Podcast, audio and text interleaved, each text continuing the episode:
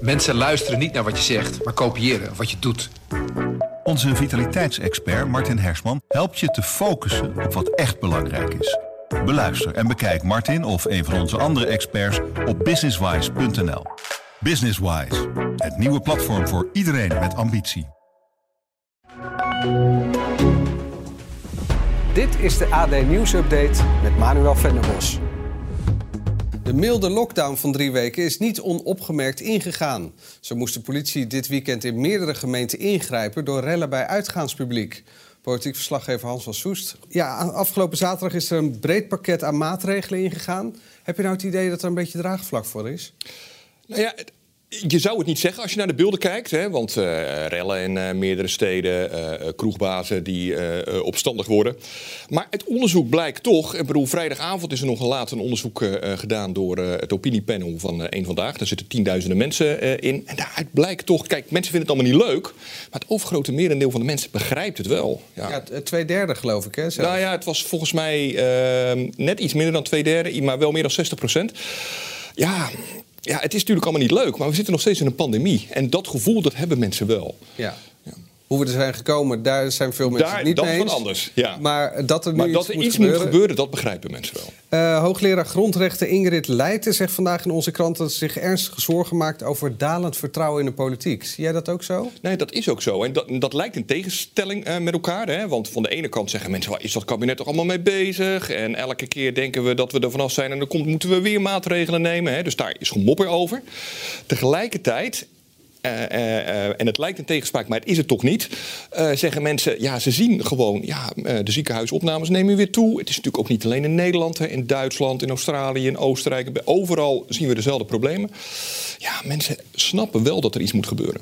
Ja. Alleen dat ze, dat ze het beleid niet leuk vinden en daardoor boos zijn op de overheid, ja, dat, dat, dat is ook zo. Ja. De coronamaatregelen vallen niet goed bij de horeca. Zo was in heel Nederland verzet tegen de sluitingstijd van 8 uur.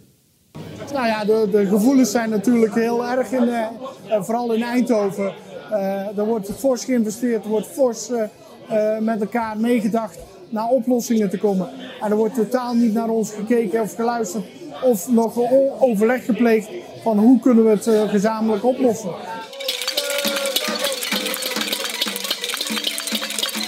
Je moet je voorstellen als ik tegen jou zeg, je moet nu stoppen met je baan, je krijgt geen geld, zie maar hoe je je huishouden doet. Nou, dat is wat ons ook overkomt en dat wel een paar keer overkomen is. Ja, en als je dat niet gehoord voelt, ga je actie voeren. Wij gaan open blijven. Wij gaan uh, niet naar de regels luisteren. Nou, die keuze komt uh, voort uit 20 maanden frustratie. Daarnaast verplichten ze ons om de deuren te sluiten. Maar qua financiële compensatie is er nul duidelijk. In Breda werd dus door burgemeester Paul de Pla oogluikend toegestaan dat de horeca na acht uur open bleef. Uh, kan een burgemeester dat eigenlijk zomaar doen? Ja, een burgemeester kan, uh, als het. Kijk, een, open, een, burgemeester heeft de verantwoordelijkheid om de openbare orde te handhaven. En als er zo massaal in een stad uh, zeg maar regels worden overtreden.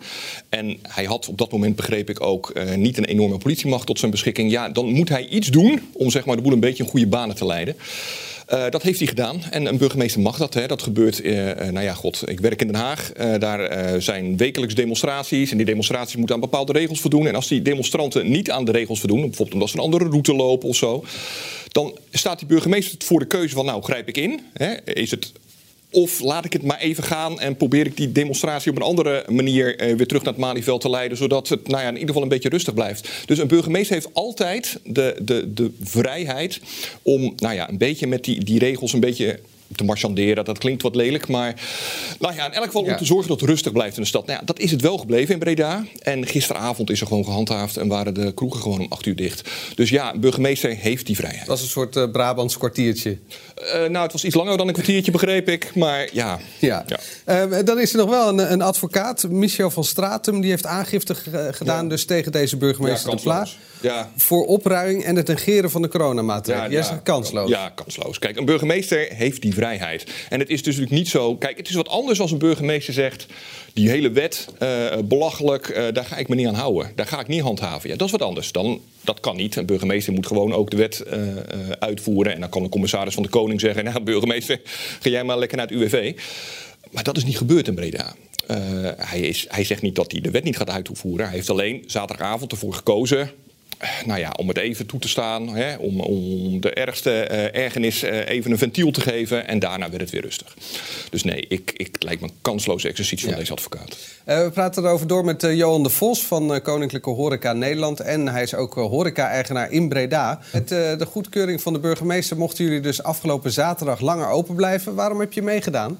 Nou ja, het wordt een beetje geschetst alsof eh, de burgemeester hier goedkeuring voor heeft gegeven. Maar uh, de brief uh, vanuit de gemeente die zal in deze dagen wel bij ons op de mat vallen. Want er volgt natuurlijk gewoon een bestuurlijke maatregel.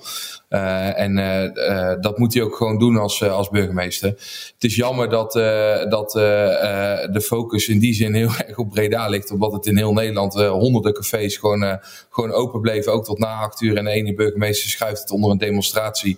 En de andere die, die die, heeft geen media-aandacht, dus die laat het ook luid toe.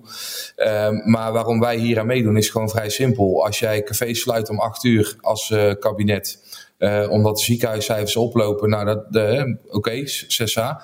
Maar dan zul je toch ook iets van uh, compensatie moeten gaan geven voor die mensen. Want het regent hier annuleringen, zowel bij hotels, restaurants als feestzalen, cafés, alles. Dus alles komt tot stilstand. En vervolgens wordt er wel van ons verlangd dat we alles uit eigen zak blijven betalen. Ja. En dan hoor ik zeggen van ja, uh, er, is een, uh, er is nog draagvlak voor de maatregelen. Ja, dat zal voornamelijk zijn onder mensen die op de 24 e een salaris weer krijgen. Ja, laten we het even over de maatregelen hebben. Die zijn tot 8 uur open en alleen zitplaatsen. Hoe erg word je dan getroffen als uh, kroegeigenaar? Ja, kijk, dan word je eigenlijk uh, als kroegeigenaar word je gewoon in de strop gehangen en zeggen ze van nou uh, bungel maar een end verder en kijk maar hoe, hoe, het, hoe je eruit komt. kijk, lunchzaken is wat anders, hè, maar voor kroegeigenaren, restaurants, nachtzaken, noem maar, maar op. Ja, dat is gewoon kansloos. Ik heb er geen ander woord voor. Minister Grappenhaus van Justitie en Veiligheid en Stef Blok van Economische Zaken gaan dinsdag in overleg met jullie over financiële steun voor de horeca. Hoe moet die steun eruit zien eh, volgens jou? Nou, dat moet in ieder geval voldoende compensatie bieden om je vaste kosten te betalen. Kijk, en uh, het wordt een beetje gezien als uh, eenmalige actie en uh, doe maar. nou, heel simpel. wij hebben het fatsoen om netjes te wachten op deze handreiking vanuit minister Grapperhaus en minister Blok. Maar als daar niks uitkomt, blijft de situatie voor ons onveranderd. En dat betekent namelijk dat we in een situatie zitten dat we niet anders kunnen als gewoon onze eigen broek ophouden en ons geld verdienen. Dus dat is zeker geen dreigement, maar er moet wel iets komen, want wij houden het gewoon simpelweg niet vol op deze manier. Ja, Hans, even naar jou. Eh, is er een kans dat ze voor 100% gecompenseerd gaan worden? Nou ja, meneer De Vos weet natuurlijk wel, er komt een compensatieregeling. Die is aangekondigd, die, die is er ook steeds geweest. Um, hoe die compensatieregeling eruit komt te zien, Weet ik nog niet, is nog niet bekend. Uh, maar tot nu toe uh, uh, waren er meerdere maatregelen die ze troffen. Je kreeg een deel van de omzetderving kreeg je vergoed. en bij de vorige lockdowns was er ook voor de horeca een zogeheten voorraadvergoeding. Dus alles wat je moest weggooien hè, aan, aan, aan, ingekocht bier, ingekochte biefstukken die in de koelkast lagen, die kreeg je ook vergoed. Of dat nu ook weer zo is, ja, ik mag het aannemen. want hij heeft natuurlijk wel gelijk dat een hoop horecaondernemers het water aan de lippen staan. Uh, en het persoonlijk leed bij, kijk, uh, we zien altijd op tv uh, die grote kroegbaas uit het oosten van het land met die hele grote mond. Daar hoeven we niet zo medelijden mee te hebben, denk ik. want die heeft zijn schaapjes wel op het droge. Maar heel veel kleinere horeca-ondernemers, ja, die zitten gewoon vet in de problemen. Dus ja, die moeten geholpen worden. En ik mag aannemen, het kabinet heeft het toegezegd, Rutte heeft het ook gezegd vrijdagavond op de persconferentie. We komen meer, met een regeling. Je mag aannemen dat de regeling die er nu aankomt, zijn minst hetzelfde zal zijn als wat we tot nu toe hebben gehad. Johan, uh, als het hetzelfde is, ben je dan tevreden morgen? Nou, dat komt een heel eind in de buurt. Want uh, uh, zoals uh, meneer zegt, van, er zijn altijd compensatieregelingen geweest. Ja, dat klopt. maar als je een compensatieregeling maakt met voorwaarden waar niemand daar kan voldoen, dan kan ik compensatieregelingen verzinnen en mee naar buiten treden alsof ik bergen goud beloof. Alleen wij kunnen daar helemaal niks mee. Dus er zal wel degelijk iets moeten gebeuren waarbij juist ook kleine ondernemers ermee geholpen worden. En inderdaad, de biestukken en de rest van de voorraad, ja, daar zal, daar zal iets tegenover moeten komen te staan. Want die klap kun je gewoon niet nog een keer opvangen. Uh, we wachten het af. Uh, succes morgen. Johan de Vos, dankjewel voor je toelichting. Door de vervroegde sluiting van de horeca hadden de BOA's hun handen vol. Op meerdere plekken hebben de nieuwe coronamaatregelen tot onrust geleid. Richard Gerrits is uh, voorzitter van de vakbond BOA ACP. Hoe is het dit weekend gegaan? Nou, zaterdagavond is het uh, vrij onrustig geweest. Uh, we hebben onder andere Breda is al voorbij gekomen, waarbij en niet gehouden is aan de achtuursluiting, wat afwijkt van de landelijke normering. Maar dat is op meer plaatsen geweest. En zelfs in Leeuwarden is het dusdanig uit de hand gelopen dat daar de ME te plaats heeft moeten komen om de menigte uit elkaar te halen. Ja, je noemt Breda onder andere ook. wat vind je van het gedoogbeleid van burgemeester De Pla van Breda? Ja, in eerste instantie toen ik het hoorde dat dat daar gebeurde, was het niet erg handig. Uh, daarna hebben we een uitleg gekregen dat het te maken had met de politie-inzet, althans een stuk tekorten daaraan. Duidelijk is, is dat er een Sinterklaas-intocht was, zoals in heel veel steden in het land. En daar had hij dus onvoldoende bemensing voor, uh, voor politie in te zetten voor, voor de sluiting van de horeca. Ehm, we zien dan ook dat de, dat de BOA's ook van straat af gaan. En dat we het ook wel helaas moeten constateren dat het meer een openbare ordeverhaal aan het worden is. Um, ja, over die draagvlak, eh, Hans, tot slot. Um, als je nou merkt dat er te weinig draagvlak is, uh, moeten we die BOA's dan wel de straat op sturen? Als het uit de hand loopt, uh, gaan de BOA's ook niet de straat op. Hè? Hij vertelde het ook al in Leeuwarden, ja, dan wordt het politiewerk. Um, ja, ik, ik snap wel zorgen bij BOA's als je die beelden ziet. Tegelijkertijd, het is, en dat moeten we ons wel allemaal beseffen... dit is natuurlijk ook niet een, een verantwoordelijkheid... die we alleen op het bordje van BOA's moeten leggen horecaondernemers moeten controleren bij de ingang. Uh, uh, hetzelfde geldt uh, voor nou ja, dierentuinen nu. ondernemers moeten controleren en mensen moeten zichzelf gewoon in acht nemen. Ja, ik snap wel als je dit soort beelden ziet dat je als BOA denkt van ja, poeh, moet ik straks op straat vandaag, hè, het is nu maandag, ehm, werkelijk al die mensen om een QR-code gaan vragen. Ja, ik snap, ik snap, wel dat die mensen daar geen prettig gevoel bij hebben bij deze beelden. Nee. Maar je mag toch aannemen dat het zaterdagavond een beetje een excess was. Ja. Ja, en dat het dus aankomend weekend uh, wel weer beter gaat. Laten we het hopen in elk geval.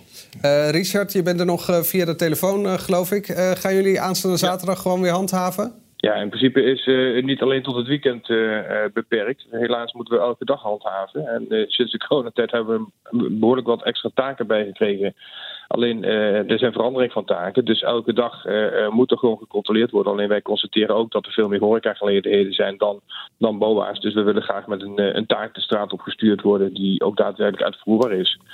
En uh, we zien uh, inderdaad in het land goede ondernemers en uh, we zien wat minder goede ondernemers. En dan, ja, dan zullen daar waar nodig waarschuwingen uitgevaardigd worden.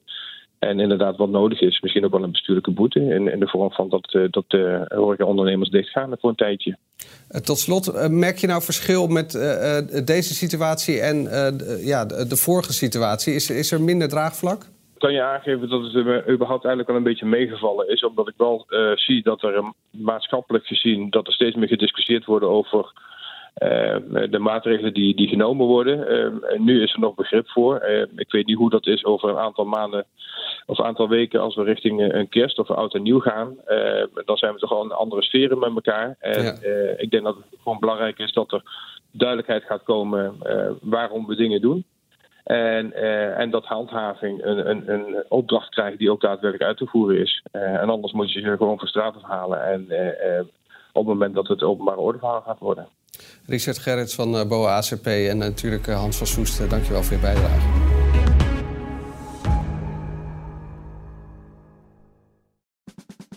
Luister ook naar onze podcast Politiek Dichtbij. In een half uur praten we hierbij over de stand van zaken op het Binnenhof. En niet alleen vanuit de wandelgangen in Den Haag, maar ook vanuit een regionaal perspectief. We zijn te vinden in onze app, op Apple Podcast en op Spotify. En wie zijn wij dan? Wij zijn Leonard Beekman en Tobias den Hartog. Een goede spreker herken je aan de Q&A aan het eind. Onze lifehack-expert Martijn Aslander geeft je adviezen waar je echt wat aan hebt. Beluister en bekijk Martijn of een van onze andere experts op businesswise.nl. Businesswise, het nieuwe platform voor iedereen met ambitie.